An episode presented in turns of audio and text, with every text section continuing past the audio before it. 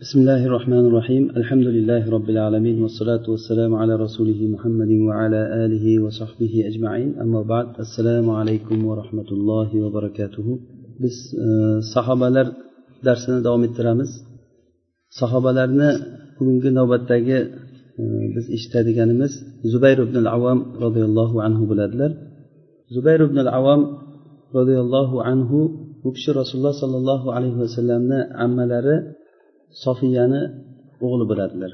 Sofiya binti abdul muttolib bu kishi e, tiriklik vaqtida hayotda yurgan holatlarida jannatdan bashorat berilgan kishilarni o'nta sahobiyni bittasi bo'ladilar. Bu kishi rasululloh sollallohu alayhi vasallamni havoriysi ya'ni havoriy degani fidoyi kishi degani. O'zini rasululloh sollallohu alayhi vasallamga hayotini tamomiy hayotini bag'ishlagan kishilardan biri bo'ladi bu kishi. Va yana umar ibn hattob roziyallohu anhu vafot etish paytlarida sahobalar e, abu bakr vafot etish paytida o'rniga sizni qo'yib ketgan edi xalifa qilib ummat sizdan keyin xiloflashmasligi uchun siz o'rningizga xalifa qo'yib keting deganlarida umar ibn hattob olti kishini tanlaydilar mana shu oltitadan bittasi kelishib xalifa bo'lsin deydilar. Bular ashabu shuro sitta deyiladi ya'ni oltita shuro ashoblari shularni biri zubayr ibn avom bo'ladi. Va yana bu kishining eng ko'zga ko'ringan xususiyatlaridan fazilatlaridan biri olloh yo'lida birinchi marta birinchi bo'lib qilich yalang'ochlagan kishi shu bo'ladilar shu kishi bo'ladilar. Buni voqeasi rasululloh sollallohu alayhi vasallam makkada paytlarida rasulullohni o'ldi degan bir shayton bir vasvasa bir xabar chiqaradi odamlar ichiga. Makkani bir tepa tarafida kimdir rasulullohni o'ldiribdi deb xabar chiqaradi. O'sha paytda u kishi o'n ikki yosh ba'zi rivoyatlarda o'n olti yosh bo'lar ekan. Rasulullohni o'ldirilibdi deganda qilichini yalang'ochlab o'sha rasululloh o'ldirildi degan tomonga qarab yugurib ketar ekan. Makkada u kishini ko'rgan har bir odam bu bolani juda ham shijoat bilan qo'lida qilich yalang'ochlagan holatda yugurib ketayotganligini ko'rib hayron qolishgan ekan. Shunda u kishini oldidan rasululloh chiqqan ekan.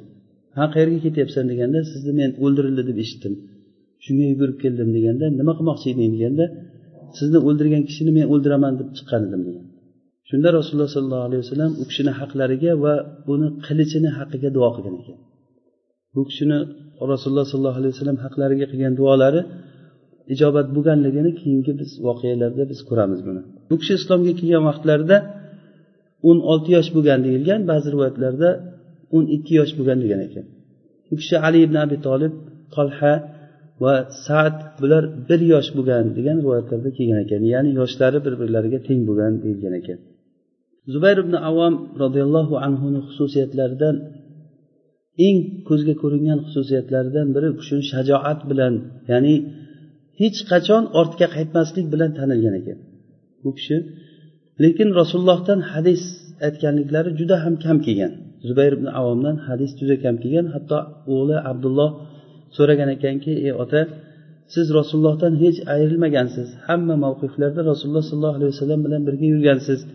Nimaga rasulullohdan siz falonchi va falonchilarga o'xshab rivoyat qilmaysiz ko'p deganda aytgan ekanki ey o'g'lim men rasulullohni hech bir mavqifidan hech bir holatda rasulullohdan ajragan emasman lekin men rasululloh sollallohu alayhi vasallamdan bir hadis eshitganman.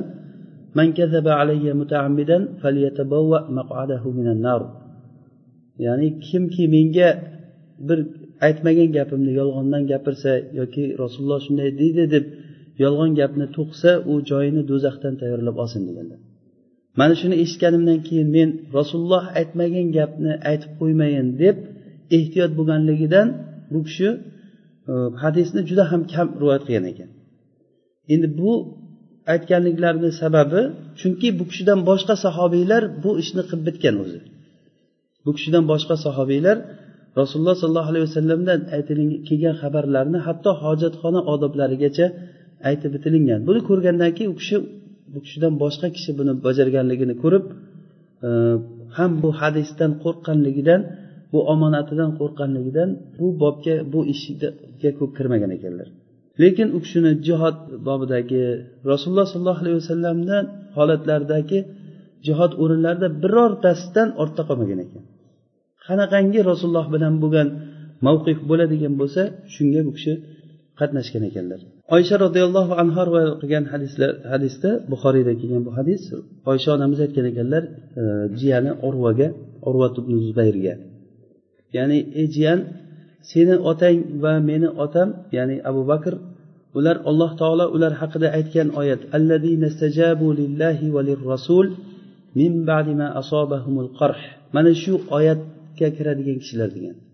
Ya'ni bu oyatni o'zi sababi nuzuli e, uhud nimasi bo'lgandan keyin voqeasi uhudda bilasizlar e, musulmonlarni mag'lubiyati bilan uhud jangi tugagan. Bu yerda sahobalar juda ham qattiq bir E, sinovga uchragan. Hatto rasululloh sollallohu alayhi vasallamni yuzlari qonatilingan mig'far deydi boshga kiyadigan kaskani yonidagi tushib turadigan temirlari rasulullohni ikki tomonidan yuzlariga kirib ketgan. Rasululloh sollallohu alayhi vasallam tishlari singan. Sahobalar juda ham charchagan horigan holatda qolgan. Shunda madinaga qaytib kelgandan keyin rasululloh sollallohu alayhi vasallam zubayr e, nima sahobalarga aytadiki kim mushriklarni ortidan yana boradi deydi.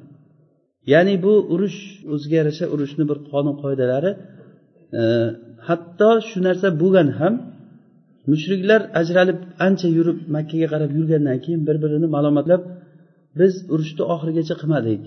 Endi g'olib bo'lgan joyimizda musulmonlarni shu holatda tashlab yana qaytib ketyapmiz.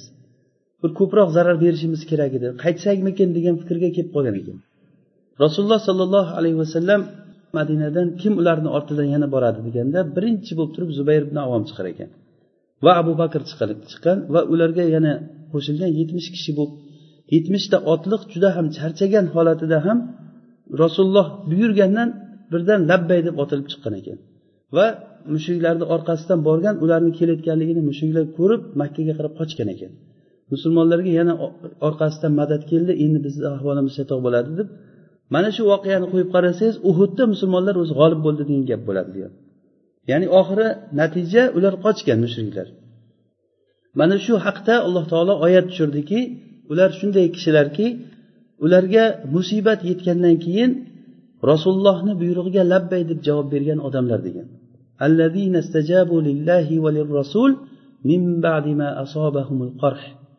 Ya'ni qorh ya'ni musibat ularga yetgandan keyin uhudda olloh va rasulini e, buyrug'iga labbay deb javob bergan kishilardan shulardan biri birinchisi zubayr ibn avom va meni otam degan ekanlar oysha roziyallohu anhu rasululloh sollallohu alayhi vasallam handak g'azotini biz g'azvatul ahzab deb aytgan edik e, o'tgan darsimizda buni batafsil aytib bergan edik e, oldingi darslarimizda.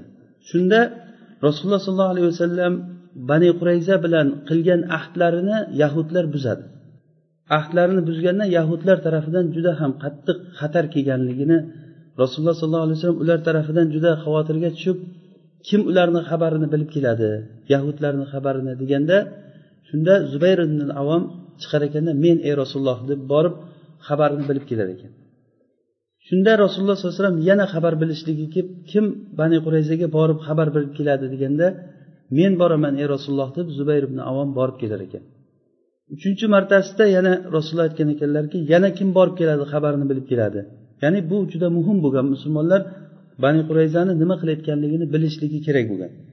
Kim bilib keladi deganda zubayr ibn avom men ey rasululloh deb otilib chiqar ekan. Shunda rasululloh sollallohu alayhi vasallam aytgan ekanlarki har bir payg'ambarni fidoyisi bo'ladi meni fidoyim zubayr ibn avom degan ekanlar. Ya'ni likulli nabiyin havariy va havariya zubayr ibn avam degan ekanlar. Ya'ni havariy degani fidoyi o'zini bahs qilgan shunga atagan kishi bo'lgan ekanlar. Hattoki rasululloh sollallohu alayhi vasallam uhud g'azotida zubayr ibn avomga senga ota onam fido bo'lsin degan ekanlar. Bir mushrikni ko'rganligida musulmonlardan kim oldiga kelsa juda qaqshatqich o'ldirib tashlayotganligini ko'rgan ekan rasululloh. Oldiga kelgan kishini hech tinchitib yuboravergan shunda rasululloh uni ko'rgandan ey zubayr tur mana unga qarab degan ekan. Shunda yugurib borib haligi mushrik turgan tarafdan orqa tarafga tog' tepasiga chiqar ekanda yugurib kelishda sakrab bo'yniga osilib ikkalasi birga yumalar ekan. Haligi bilan tepadan pastga qarab yumalab yumalab kelib oxiri zubayr uni ustiga tushib to'xtar ekanda turib ko'kragiga bir necha marotaba hanjar sanchib sanchib o'ldirganligini rasululloh sollallohu alayhi vasallam qarab kuzatib turganda ota onamni senga fido qilayin degan ekanlar mana bu rasululloh sollallohu alayhi vasallam ota onasini fido qilishlik qilaman degan gaplari sanoqli sahobalarga aytilingan. Sanoqli shulardan biri zubayr ibn avon bo'ladi.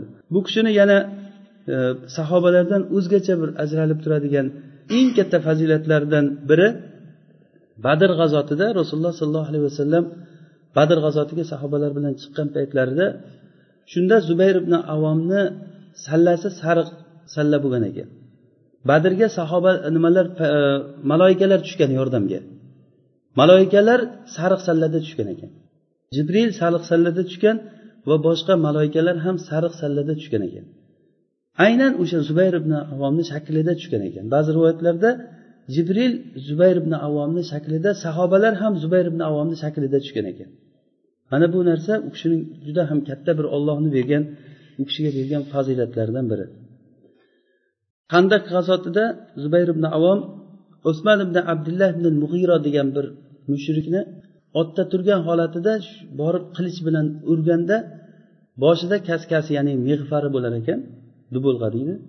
O'sha dubulg'asini kesib o'tib ikkiga bo'lib shunday ot otini egariga kelib sanchilib qolgan ekan qilichi.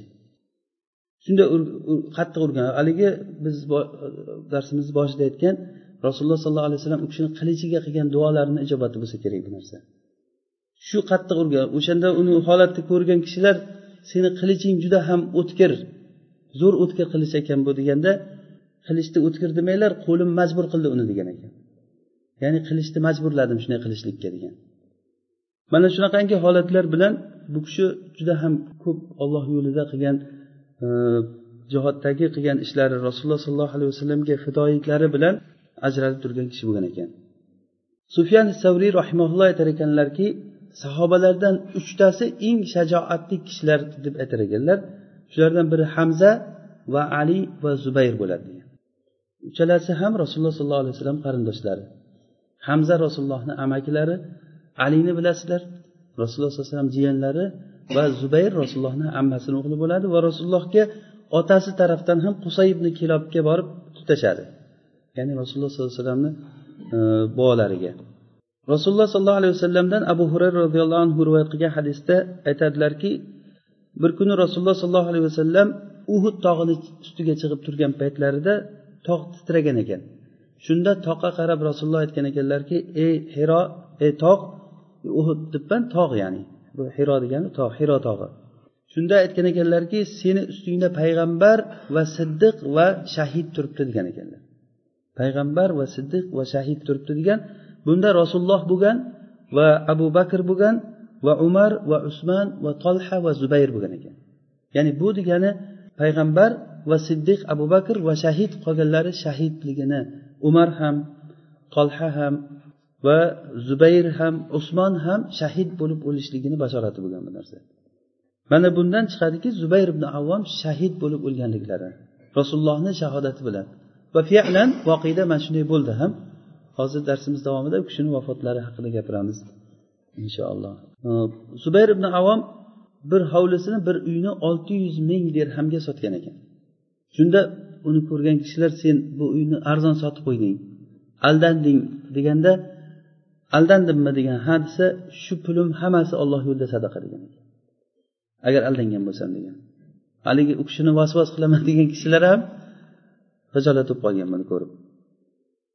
Ali ibn abi tolib roziyallohu anhu bilan muaviy roziyallohu anhu ikkalasi urushgan paytlari bu voqeani biz batafsil ancha gapirdik. Shunda zubayr ibn avom muaviya roziyallohu anhu tarafda bo'lgan ekan. Zubayr va talha bular muaviyani haqqini olib berishlik uchun biz nima uchun u tarafga o'tganligi haqida gapirgandik. Marakatul jamal degan marakatul jamal deb ismlanganligi o'shanda oysha roziyallohu anhoni dan yiqitib tuyasi so'yib yuborilingan shu nima bilan? Barakatul jamal deb ismlanib qolgan shu nimada? Zubayr bilan ali roziyallohu anhu ikkalasi duch kelib qolar ekan. Shunda to'xta ey abu abdullah senga bir gapim bor degan ekan ali roziyallohu anhu. Shunda to'xtar ekan. Zubayr to'xtaganda esingdami rasululloh sollallohu alayhi vasallam bir kuni biz ikkimizga aytgan gaplari? Bir kuni men sen bilan alohida bir gaplashib suhbatlashib turgan paytimizda rasululloh sollallohu alayhi vasallam kelib sen buni yaxshi ko'rasanmi? deb aytdilar. Ha deganda lekin sen zulm zolim bo'lgan holatingda bunga qarshi urushasan degan edi degan. Zubayrga ya'ni zolim bo'lgan holat aliga zolim zulm qilib urushasan shu gapni esingdami? deganda esiga tushar ekan zubayr. Shu gapni eshitgandan birdan otini burib madina tarafga qarab jo'nab ketar ekan. Biz aytgandikki sahobalar o'rtasida bo'lgan fitnada biz qanaqangi ko'zqarash bilan qarashligimiz kerak?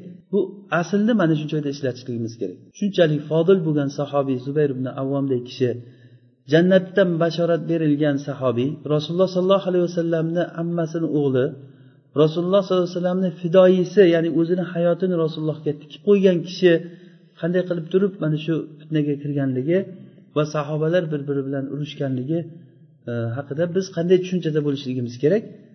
E, bular ishtihod bilan kirgan mana shu qilgan ishiga va ikkala tomonni ham qilgan ishida vajhi bo'lgan lekin ali roziyallohu anhu haqqa yaqinroq bo'lgan. Ya'ni ikkita toifani ichida haqqa avlasi ya'ni haqqa yaqini ali ibn abi tolib bo'lgan. Shuni eshitgandan keyin bu kishi o'sha zahoti otini burib urush maydonidan chiqib ketar ekan. Chiqib ketish ko'rib o'g'li abdulloh ko'rib ey ota qo'rqib qochib ketyapsizmi? deganda yo'q menga ali rasulullohdan eshitgan bir hadisni eslatib qo'ydi degan. Tamom men urushmaslikni qasd qildim qasam ichdim urushmaslikka deb chiqib ketar ekanlar bu kishi ketgandan keyin orqasidan ibn, ibn jurmuz degan bir kishi orqasidan tushar ekan va ikkita sherigi bilan. Bu kishi yo'lda ketishliklarida ba'zi rivoyatlarda namoz o'qib turgan holatda orqasidan kelib turib sanchib o'ldirgan degan. Zubayr ibn avomni ba'zi rivoyatlarda bir o'zi oldidan chiqib urushadi o'shanda u kishi zo'rlik qilishligini ko'rib qo'rqqanligidan sheriklarini chaqiradi uch kishi bo'lib turib o'sha yerda zubayrni o'ldirgan degan. O'ldirib boshini kesib alini oldiga olib kelishar ekan. Olib kelib ruxsat so'ragan paytda aliga ruxsat so'raganda kirgizmagan ekan oldiga. Kim deganda ibn jurmuz zubayr ibn avomni boshini olib kelibdi degandan keyin unga bashorat berib qo'yinglar do'zaxdan degan ekan. Do'zaxdan bashorat berib qo'yinglar men rasululloh sollallohu alayhi vasallamdan eshitgan edim. Zubayrni o'ldirgan kishi do'zaxga kiradi deganini shunda boyagi odam she'r aytib qaytib ketgan ekan men aliga mukofot olaman yaxshi ko'rinaman deb kelsam u mendan mukofotiga do'zaxdan bashorat berdi deb chiqib ketgan ekan. Ancha vaqtlar o'tgandan keyin zubayr ibn avomni o'g'illari abdulloh ibn zubayr makkada voliy bo'lgan paytda ya'ni xalifa ismi bilan voliy bo'ladi. U kishi e, bunda ham abdumalik ibn marvon shomda bo'ladi.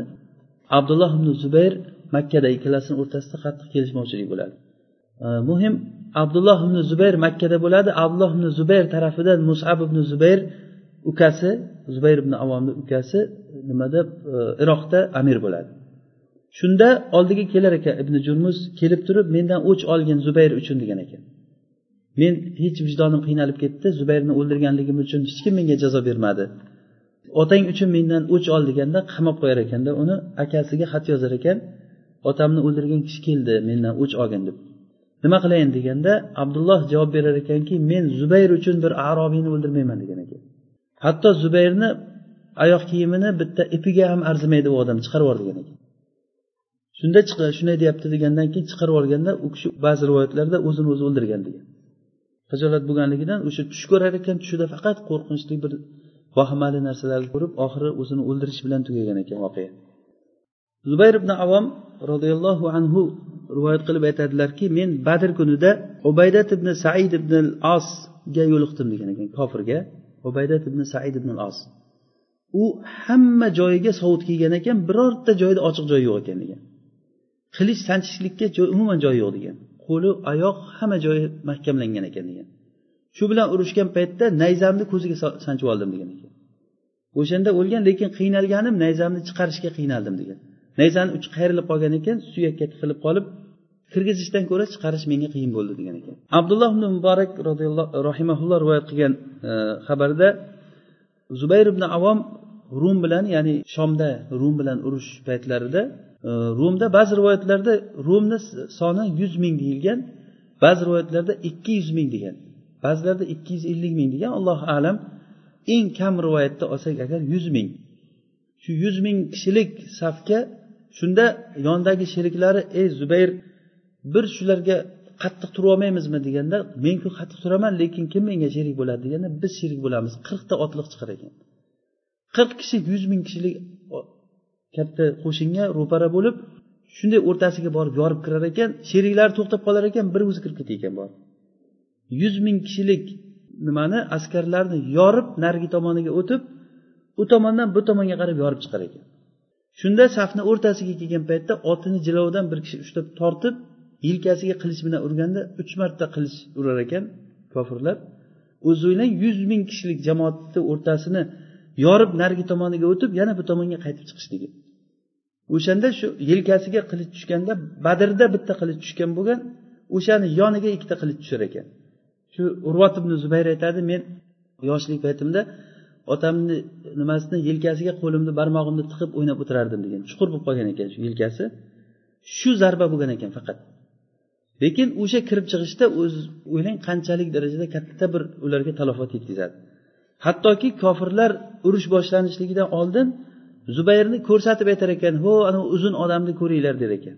U kishi sahobalar o'rtasida turganda xuddi uzun ajralib turar ekan. Hatto ot minganda oyog'i yer chizib yurar ekan.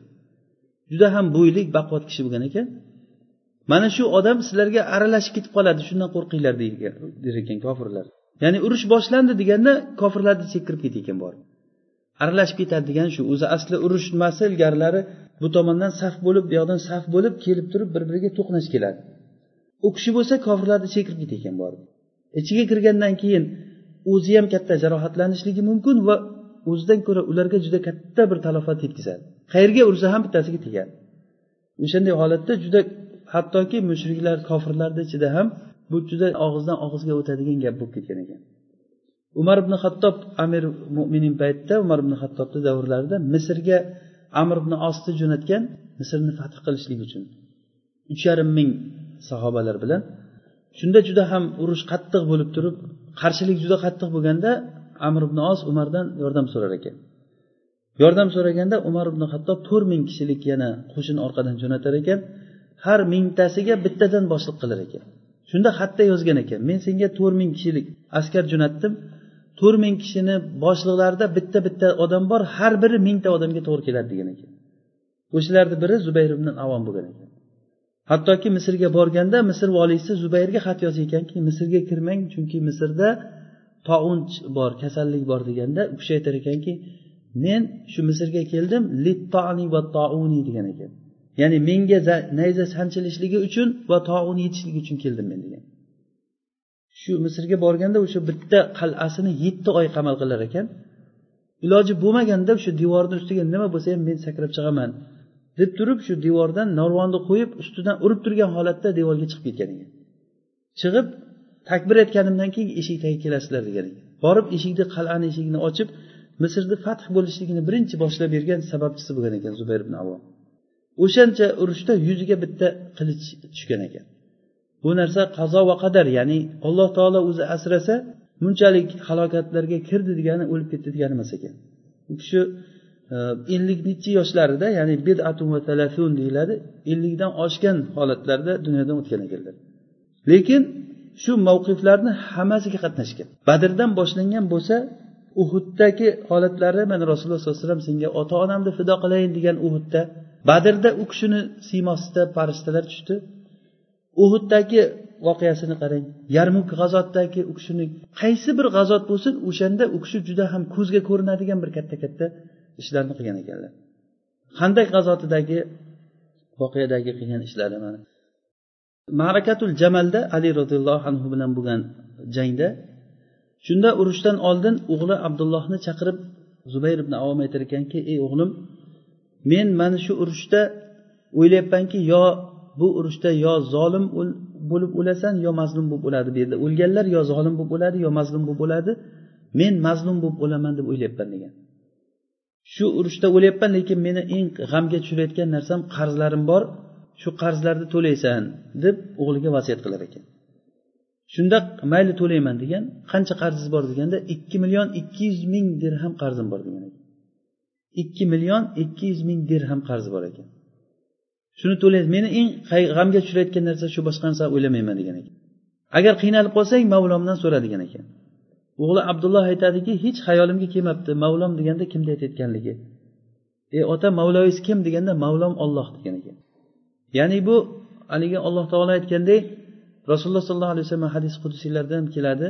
Rasululloh sollallohu alayhi vasallam aytganlar taarraf ilallohi firraho yarifka fi shidda. Sen kengchilik holatda o'zingni ollohga tanitgin alloh taolo seni qiyinchilik paytida taniydi degan. Bu kishi zubayr ibn avom hayotini olloh uchun sarflagan o'zini tanitgan kishi edi. Xotirjam ediki agar qaysi holatda robbisidan so'rasa berishligiga aniq ishongan kishi edi. O'sha uchun ham o'g'liga shu vasiyatni qildiki qiynalsang mavlomdan so'ra xuddiki o'rtada ittifoq bor deydi hatto men tushunmay ey ota mavloyingiz kim? deganimda mavlom olloh deb aytdi. Vallohi qaysi bir o'rinda shu qarz borasida qiynalib qolsam bir e, yechimsiz muammoga uchrab qolsam ey zubayrni mavlosi yordam ber desam o'sha payti shu ish ochilib ketaverardi degan. Urushga kirgan urushda ali roziyallohu anhu bilan uchrashgandan keyin bu kishi orqaga qarab ketgan va ibn jurmuz uni orqasidan tushib u kishini o'ldirgan va bu kishi shahid bo'lib o'ldilar. Shahidligi rasululloh sollallohu alayhi vasallamni shahodatlari bilan haligi toshni ustida turganlarida aytib seni ustingda shahid turibdi deganlari shu zubayr ibn avon bor edi. Bu kishi o'lganlaridan keyin o'g'li abdulloh qarzni to'lashni boshlagan ekan. Bu kishini ko'p qarz bo'lib qolganliklarini sababi qarz bo'lib qolganliklari sababli nihoyatda omonatli kishi bo'lganligidan odamlar u kishiga mollarini olib kelib berar ekan. Mollarini olib kelib berganda shu senda qolsin. Hatto o'laydigan kishilar o'zini farzandlariga qarab turishlik uchun shuni vasiy qilib turib mollarini shu kishiga topshirib o'lib ketganlar ko'p bo'lgan ekan. Eng mashhurlardan olti kishi. Shulardan biri usmon va abdurahmon ibn avf. Abdurahmon ibn avfni bilasizlar qancha katta boy kishi bo'lgan. Shu kishi ham o'zini mol va ibn masud uchalasi va u kishidan boshqa yana uch kishi eng ko'zga ko'ringanlari ibn masud abdurahmon ibn avf va e, usmon roziyallohu anhu. Mana bular mollarini zubayr ibn avvomga berib farzandlarimga shuni yaxshilik bilan sarflab turasan deb vasiy ya'ni arab tilida bu vasiy deyiladi. Vasiyat qilib o'lgan ekanlar. U kishi aytar ekanki yo'q men omonatni olmayman der ekan. Agar qarz deb bersanglar olaman der ekan. Chunki omonat bu agar bir talofat yetsa to'lanilinmaydi. Ammo qarz bo'lsa to'laniladi. Men shuni mas'uliyatini bo'ynimga olsam olaman der ekan. Ular bergan mana shu bilan qarzlar yig'ilib yig'ilib ikki million ikki yuz ming bo'lgan ekan. Bu kishi dunyodan o'tganlaridan keyin e, amakisi hakim ibn hizom kelib otangni qarzi eshitardim qancha qarzi bor ekan? Agar ko'p bo'lsa menga aytinglar yordam qilaman. Ko'p qarzi bor deb eshitdim lekin otangni yuz minglar bormikan degan ekan o'g'liga. Shunda yuz ming bo'lsa nima bo'ladi desa agar yuz ming bo'lsa ko'p sizlarni qattiq qiyinchilikka tashlab ketgan bo'ladi degan. Agar ikki million ikki yuz ming bo'lsa nima deysiz degan ekan. Unda otang hammamizni qiyinchilikdan chiqmasin deb o'lib ketgan bo'ladi degan. Buxoriy rahimaulloh o'sha kitabul mag'oziyda bob ajratib aytganlarki E, g'oziyni moliga tirikligi va o'lgan paytida alloh taolo baraka berishi degan bob bor. Ya'ni barakatu malil g'oziy hayyan va mayyita degan. G'oziyni moli tirik bo'lsa ham o'lgan bo'lsa ham barakali bo'lishligi u kishini bir bog'lari bo'lgan ekan. Makkada ba'zi rivoyatlarda makkada bir uyi bor degan madinada uyi bo'lgan ekan misrda bo'lgan ekan kufada uylari bor ekan. Shularni sotib u kishini molini qarzini to'lashga bog'larni o'n olti juzga ajratib turib sotgan ekan. Alloh taolo baraka berib u kishini yerlari narxlari ko'tarilib ketib hattoki qarzlardan qutulgan hamma qarzdan va meros ham ortib qolgan ekan. Shunda farzandlari kelib turib abdullohga aytgan ekanki otamizni endi merosini tarqating deganda vallohi meros tarqatilmaydi. To'rt yil men makkaga borib har haj mavsumida e'lon qilamanki zubayrni qarzi to'lanyapti o'g'li abdulloh to'layapti kimni qarzi bo'lsa kelsin. Chunki basrada bo'lishi mumkin misrda bo'lishligi mumkin bir yilda yetib kelolmasligi mumkin to'rt yil kutamiz degan. To'rt yil jarchi e'lon qilib yurgan ekan arafat tog'larida minoda. Zubayrni qarzi kimda bo'lsa kelsin deb turib. To'rt yildan keyin qarz tarqatilgan ekan. Qirq million dirham pul tarqatilgan ekan. Qirq milliondan ziyod. O'shanda to'rtta xotini bo'lgan ekan. Zubayr ibn avvom o'lgan paytlarida to'rtta xotini bo'lgan. To'rtta xotinidan har biriga har bitta xotin merosda sakkizdan birini oladi. Ya'ni bitta bo'lsa ham sakkizdan birini oladi to'rtta bo'lsa ham o'sha sakkizdan birini bo'lib oladi xotinlar. Mana shu xotinlarni har biriga tushgan ulushi har biriga bir million ikki yuz ming dirhamdan tushgan ekan. Har bitta xotiniga tushgan ulush bir million ikki yuz mingdan tushgan. Molini uchdan birini vasiyat qilgan ekanlar. Uchdan birini uchdan birini abdullohni o'g'illariga vasiyat qilgan ekan. Abdulloh ibn zubayrni o'g'illariga. Mana bu narsa alloh taoloni barakasi bilan bo'lgan. Xuddiki buxoriy rahimulloh aytganlaridek g'oziyni moliga alloh taolo tirikligida ham o'lgan paytda ham baraka berishligi degani. Bu narsa biz sahobiylar tarixini o'qishligimizdan maqsad u kishini E, tug'ilgan yili va o'lgan yillari va nima qilgan hamma mavqiflarini sanashlik emas bu. Biz bundan e, umumiy bir mavzuda rasululloh sollallohu alayhi vasallamga ergashishlik bobida bir suhbat ochgan edik. Ya'ni bu suhbatimizni mavzusi laqad kana lakum fi rasulillahi uswatun hasana liman kana yarjulloha wal yawmal akhir va zakaralloha katira sizlar uchun rasululloh sollallohu alayhi vasallamda katta bir namuna bor. Katta namuna bor. U namuna ham kimga? Ollohni va oxirat kunini umid qilgan va ollohni ko'p eslagan kishilar uchun degan. Biz o'zi asosiy maqsad rasululloh sollallohu alayhi vasallamga ergashishlik rasulullohni fe'llariga qavllariga so'zlariga holatlariga ishlariga hayotda tamoman biz o'zimizga namuna sifatida rasululloh sollallohu alayhi vasallamni olishligimiz va ergashishligimiz. Rasulullohga ergashgan namuna bu rasulullohga ergashib namuna bo'lgan kishilar bizga sahobalar bo'ladi. Har xil tomonlarda tijoratda bo'lsin e, oilaviy hayotda bo'lsin sahobalar mana shu tomondan bizga voqeiy bir ko'rinishni ko'rsatib berdilar. Ba'zilari ilmiy tomondan ba'zilari shajoat tomonidan adolatda deysizmi boshqada deysizmi xato qilar edi adashar edi lekin tez o'ziga kelardi ular tavba qilar edi qalblari pok bo'lgan. Xuddiki ibn masud roziyallohu anhu aytganlaridek ular shunday qavm ediki alloh taolo ularni tanlab oldi. Ular eng odamlarni qalbi toza odamlar edi va takallufi kam bo'lgan odamlar edi. Ya'ni takallufi degani soxtaligi kam odamlar edi. Soxtaligi kam. Zubayr ibn avomni oldiga bir kishi kelib turib aytgan ekan nimaga bu rasulullohni sahobalari hammalaring namozni tez tez o'qiysizlar hammalaring? deganda chunki biz vasvasadan saqlanamiz degan ya'ni takallufi kam edi. Hech kim ko'rmagan paytlari kechalari bilan namoz o'qib chiqqan sahobalar edi. Urush maydonida sherlar edi ular. Kechalarida bo'lsa kechasini namoz bilan obod qilayotgan kishilar edi. Umar ibn hattob mana shuni qilgan ishlarini ali ibn abi tolibni usmon abu bakr boshlab bularni holatlarini biz agar o'rganamiz rasulullohga ergashishlikka namuna bo'lishlik uchun o'rganamiz buni. Biz sahobalarni tarixini oddiy tarix kabi o'rganmaymiz. Sahobalarni tarixi bizni iymonimiz va bizni dinimizni bir bo'laklari bo'ladi. Mana shu tomondan hozirgi bugungi o'qiydiganimiz zubayr ibn avomni tarixiga qarasangiz bu kishidan bir narsani o'rganamizki rasululloh sollallohu alayhi vasallamga o'zini fido qilishlik. Bu iymonni bir juzi bu narsa. Sahobalar tarixida o'rganishligimiz iymonni bir juzi deganligimizni ham hozir yana tushunamizki rasulullohga odam o'zini fido qilishligi rasulullohga butun hayotingizni o'zingizni hattoki rasulullohni o'zimizdan ko'ra yaxshi ko'rishligimiz biz iymondan bo'ladi bu narsa. Iymonlaring to'liq bo'lmaydi. Hattoki men sizlarga uni molidan ahlidan va jamiki insonlardan ko'ra unga sevikli bo'lmagunimcha u iymoni komil bo'lmaydi dedilar rasululloh sollallohu alayhi vasallam. Demak rasulullohga mana shunday fidoyi bo'lishlikni o'rgatgan sahobalardan biri zubayr ibn avon bo'ladi. Qiynagan qiynalgan holatlarida mana xuddiki uhud jangidagida bo'lganday qiynalgan holatlarida ham tayyor edi. Kim shu bir xizmat bilan shu yoqqa chiqadi desa men deb otilib chiqadigan kishilar edi. Havo sovuq qorin och yeydigan ovqatni o'zi yo'q. Ana shunday holatda ham tayyor rasululloh nima desalar shunday labbay deb otilib chiqqan kishilar bo'lgan. Mana shu bilan alloh taolo ulardan rozi bo'ldi.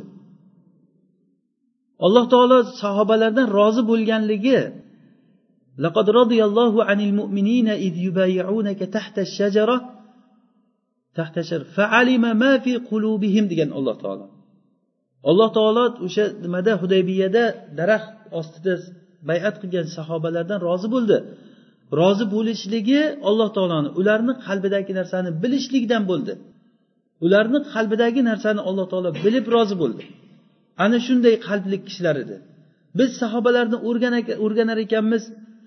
O'zimizni mana shu sahobalardek bo'lishlikniga harakat qilib ollohdan so'rab shu jihatidan o'rganamiz biz. Ularni bir pahlavon urush maydonida nechta odam o'ldirganligi haqida emas bizni o'rganayotgan narsamiz. Ular rasulullohga ergashganligini o'rganishligimiz kerak. Bo'lmasa uncha foyda ololmaydi kishi. Har bir narsa bizni birinchi o'rinda bo'layotgan narsa shu bo'lishi kerak ko'z qarashdan hattoki eng katta amal jihod bo'layotgan bo'lsa agar rasululloh sollallohu alayhi vasallam aytganlar al jihadu fi sabilillah zirvatu sanamil islom islomni o'rkachini agar islom bir tuya bo'lsa shuni o'rkachini eng tepasi deganlar. Hatto shunday bo'lgan amal ham agar bu lillah bo'lmasa buni qilayotgan ishdan foyda bo'lmaydi bu.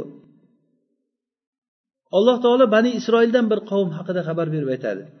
bani isroildan bo'lgan bir qavmga qaramaysizmiki ular o'zlarini payg'ambariga aytdiki bizga bir podshoh tanlab bergin o'sha bilan birga biz olloh yo'lida jihod qilaylik deyishdi alam tara ilal malai min bani isroila min ba'di musa إذ قالوا لنبي له مبعث لنا ملكا نقاتل في سبيل الله قال هل عسيتم إن كتب عليكم القتال ألا تقاتلوا قالوا وما لنا ألا نقاتل في سبيل الله وقد أخرجنا من ديارنا وأموال وأولاد وأم وأبنائنا من ديارنا وأبنائنا فلما كتب عليهم القتال تولوا إلا قليلا منهم يعني ular aytishdiki payg'ambarga bizga bir podshoh yuborgin o'shanga qo'shilib biz jihod qilaylik desa payg'ambar aytdiki agar sizlarga shu narsa farz qilinsa orqaga qarab ketib qolishlaring mumkin desa ular aytdiki nimaga biz orqaga qaytar ekanmiz Diyorimizdan qochib chiqqan bo'lsak va bola chaqamizdan ajralgan bo'lsak endi biz jihod qilmaymizmi deyishdi. Ularni maqsadi demak jihod qilishlikda maqsadi o'zi o'ch olish bo'lgan. Yurtidan qochib chiqqanligi uchun va bola chaqasidan ajralganligi uchun bo'lgan. Bu bilan ish bitmaydi. Shuning uchun ham o'zi asli qasdda boshda o'zi xato yo'nalish bo'lganligi uchun ham ularga alloh taolo bir mana bu tolut bilan birga jang qilinglar desa ularni kamchiligi qoldi ozroqqina odamlar saralanib chiqdi o'sha ozroqqina bo'lgan kishilar bilan ham keyin yurib ketib u kishi aytdiki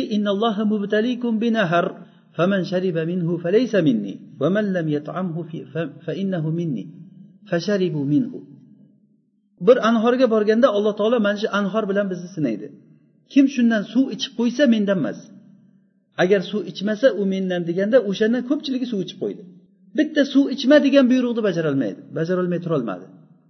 Ammo sahobalar bo'lsachi sahobalar bunaqangi kishilar emas edi. Hattoki muso alayhissalom ularga bani isroilga mana bu qishloqqa kiringlar desa ya musa musa ey muso idhab anta va robbuka faqotila inna hahuna qoidun deyishdi. Sen bor robbing bilan birga urush biz mana shu yerda qarab turamiz g'olib bo'lsanglar borib qo'shilamiz deyishdi. Sahobalar unaqa demadi. Sahobalarni mana shu holatini biz o'rganishligimiz kerak. Rasululloh sollallohu alayhi vasallam sahobalar bilan badrga chiqqan paytlarida alloh taolo ikkita toifani bittasidan ixtiyor qildi ularni. Ya'ni ikkita toifa degani mushriklar bu yoqdan musulmonlarga qarshi urushlikka chiqdi. O'zi asli rasululloh sollallohu alayhi vasallamni maqsadi uch yuzdan ziyodroq sahoba urushlik uchun emas ular nimani abu sufyon boshchiligidagi karvon shomdan makkaga keladigan karvon katta karvon kelayotganligini eshitib shu karvonga chiqqan ular. Va yo'lga kelgandan keyin e, ulardan sahobalardan maslahat tarzida so'radiki karvonga yuramizmi yoki mushriklar tomonga qarab yuramizmi? Deganda abu bakr umar va miqdod ibn asvad bular muhojirlardan. Muhojirlar aytishdiki rasululloh sizga ergashamiz qayerqa bu yoqqa yursangiz bu yoqqa yuramiz degan. Shunda rasululloh sollallohu alayhi vasallam takror va takror so'radilar bu gapni. Shunda sad ibn muaz turib aytdiki ey rasululloh siz bu gapingizni takror takror aytishligingizdan men tushunyapmanki siz ansorlarni qasd qilayotganga o'xshayapsiz degan. Agar siz bizni qasd qilayotgan bo'lsangiz chunki rasululloh sollallohu alayhi vasallam o'zi maqsadi ham shu edi. Muhojirlar rasululloh bilan birga kelgan rasulullohni xuddiki o'ziday kishilardi ular. Lekin ansorlarga bu kishilar xuddi mehmonday kelib turgan.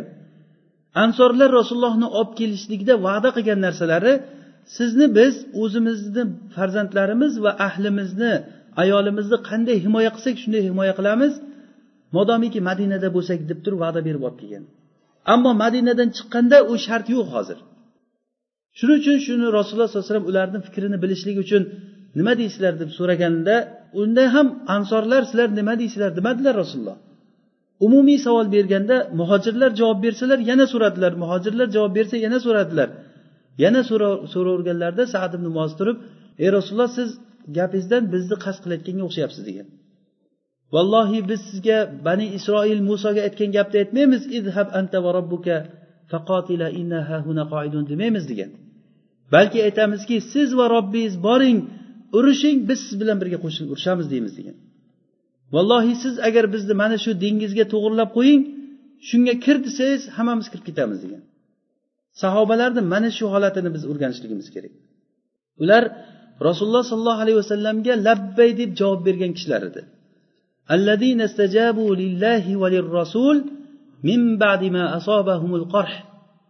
Ya'ni ular sahobalar shunday kishilar ediki olloh va rasuliga ularga musibat yetgandan keyin ular labbay deb javob bergan kishilar edi. Hech bir joyda rasulullohdan ortda to'xtab qolmagan odamlar edi. O'zlarini fido qilgan kishilar edi. Buxoriy rahimaulloh rivoyat qilgan hadisda bir kuni rasululloh sollallohu alayhi vasallam sahobalar bilan birga safarda kelishliklarida yo'lda namoz o'qidilar. Namozda shu namozda turgan holatlarida rasululloh sollallohu alayhi vasallam oyoq kiyimini yechdilar. Ya'ni namozda oyoq kiyim bilan o'qiganlar sahobalar ham oyoq kiyim bilan o'qishgan. Rasululloh oyoq kiyimini yechgandan birdan safdagi hamma oyoq kiyimini yechdi sahobalar birdan. Rasululloh eshitdimi birdan oyoq kiyimini yechganlar shunda namoz tugagandan keyin nimaga hammalaring e, tapir tupur ovoz chiqib qoldi deganlarida siz oyoq kiyimingizni yechganligingizni ko'rib biz ham eshitdik ey rasululloh. Deyishganda yo'q menga jibril vahiy qildiki oyoq kiyimimni tagida najas bor ekan. Shuning uchun yechib tashladim sizlar yechmasanglar ham bo'lardi deganlar. Bu mavqifga qarangki sahobalar rasulullohni shu ko'rdimi qilayotganligini shu holatda namozda birdan eshitib tashlayapti to'xtab ham o'tirmayapti.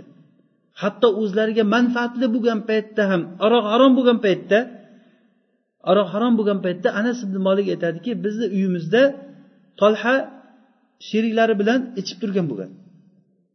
O'shanda aroq harom bo'ldi ekan deb eshitgandan o'sha joyda ey anas borda aroqlarni to'kib tashladi degan birdan ichib turgan joyida aroqlarni bochkasi bilan shunday og'darib tashlagan. Shu borini ichib olaylik demagan. Eshak go'shti harom bo'lgan paytda haybar g'azotidan qaytish paytida bo'lgan. Ungacha eshak go'shti halol bo'lgan. Eshakni go'shti bilan qozonlar qaynab turgan holatda rasululloh harom bo'ldi buni og'darib tashlanglar deganda qozonlari bilan shuni qaynab turgan joyida shuni og'darib tashlagan. Tamom labbay deb javob berishgan. Biz sahobalar tarixini o'qishligimizdan maqsad mana shu bo'ladi o'zi rasululloh sollallohu alayhi vasallamga ergashishlik. Rasululloh masjidda o'tirgan paytlarida o'tiringlar deganda ibn masud shunday masjidga kirib kelishda eshikni ostonasiga kelgan ekan o'sha joyda o'tirib olgan ekan. Rasulullohni o'tiringlar deganligini eshitib qarab turib kelgin bu yoqqa deb chaqirganlar keyin bir og'iz gaplari rasulullohni. Buxoriy rahimalloh rivoyat qilgan hadisda bir kuni rasululloh hujralarida paytlarida masjidda qattiq baqir chaqir ovozi eshitildi. Shunda ubay ibn kab bilan bir kishi ansoriy bir kishi talashyapti ekan. Ubay ibn kabdan u qarz olgan ekan qarzini bermay turibdi ekan. Shunda ubay qattiq qattiq gapirayotganliklarini rasululloh eshitib vaziyatni bilsalar u qarzini so'rayapti. Shunda ey ubay deganlar labbay ey rasululloh deganda qo'llari bilan ishora qilgan ya'ni yarmini o't degan qarzing degan. Faaltu ya rasululloh degan birdan bo'ldi o'tdim degan. Keyin haligi ansoriyga bor endi qolganini olib kel degan. Shunda yugurib borib u qarzini olib kelib to'lagan. Buni buxoriy rahimaulloh bir qancha joyda olib keladi buni. Sahihida shunda masjidda hukm qilgan kishi degan bob ajratgan. Ya'ni rasululloh sollallohu alayhi vasallam masjidda o'zi ikki kishi urushib qolyapti birdan o'sha joyda hukmini chiqarib yuboryapti qarz bo'lsa qarzdan o'tish mumkinligi qarzdan o'tish mumkinligi ya'ni o'tgin yarmidan dedilar rasululloh sollallohu alayhi vasallam qarzdan o'tdim deganda bo'ldi qolganini olib ket dedilar bir og'iz gap bilan. Muslimni chiqargan hadisda rasululloh sollallohu alayhi vasallam ansorlardan bir kishini qizini so'rab bordilar. Bu qizini so'rab borganda ansorlarni o'zi odatlari agar qaysiki bir beva ayol yoki erga tegmagan qiz bo'lsa rasulullohni fikrini bilmasdan turib erga bermasdilar.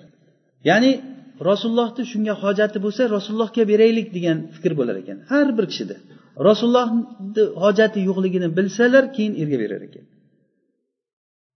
O'sha ansoriydan men qizingni so'rayman deganda bosh ustiga ko'z ustiga ey rasululloh berdim degan. Men o'zimga so'ramayapman degan. Shunda bir ko'rimsizroq bir sahobiy bor ekan. Julaybib degan bir sahobiy shunga so'rayapman deganda o'ylanib turib bir xotinimdan bir so'ray degan ekan. Shunda uyga borib xotiniga rasululloh qizimizni so'radi deganda e berdik degan birdan xotini ham. U falonchiga aytyapti ekan deganda e, falonchiga unga berayotgan qizimiz yo'q bizda degan.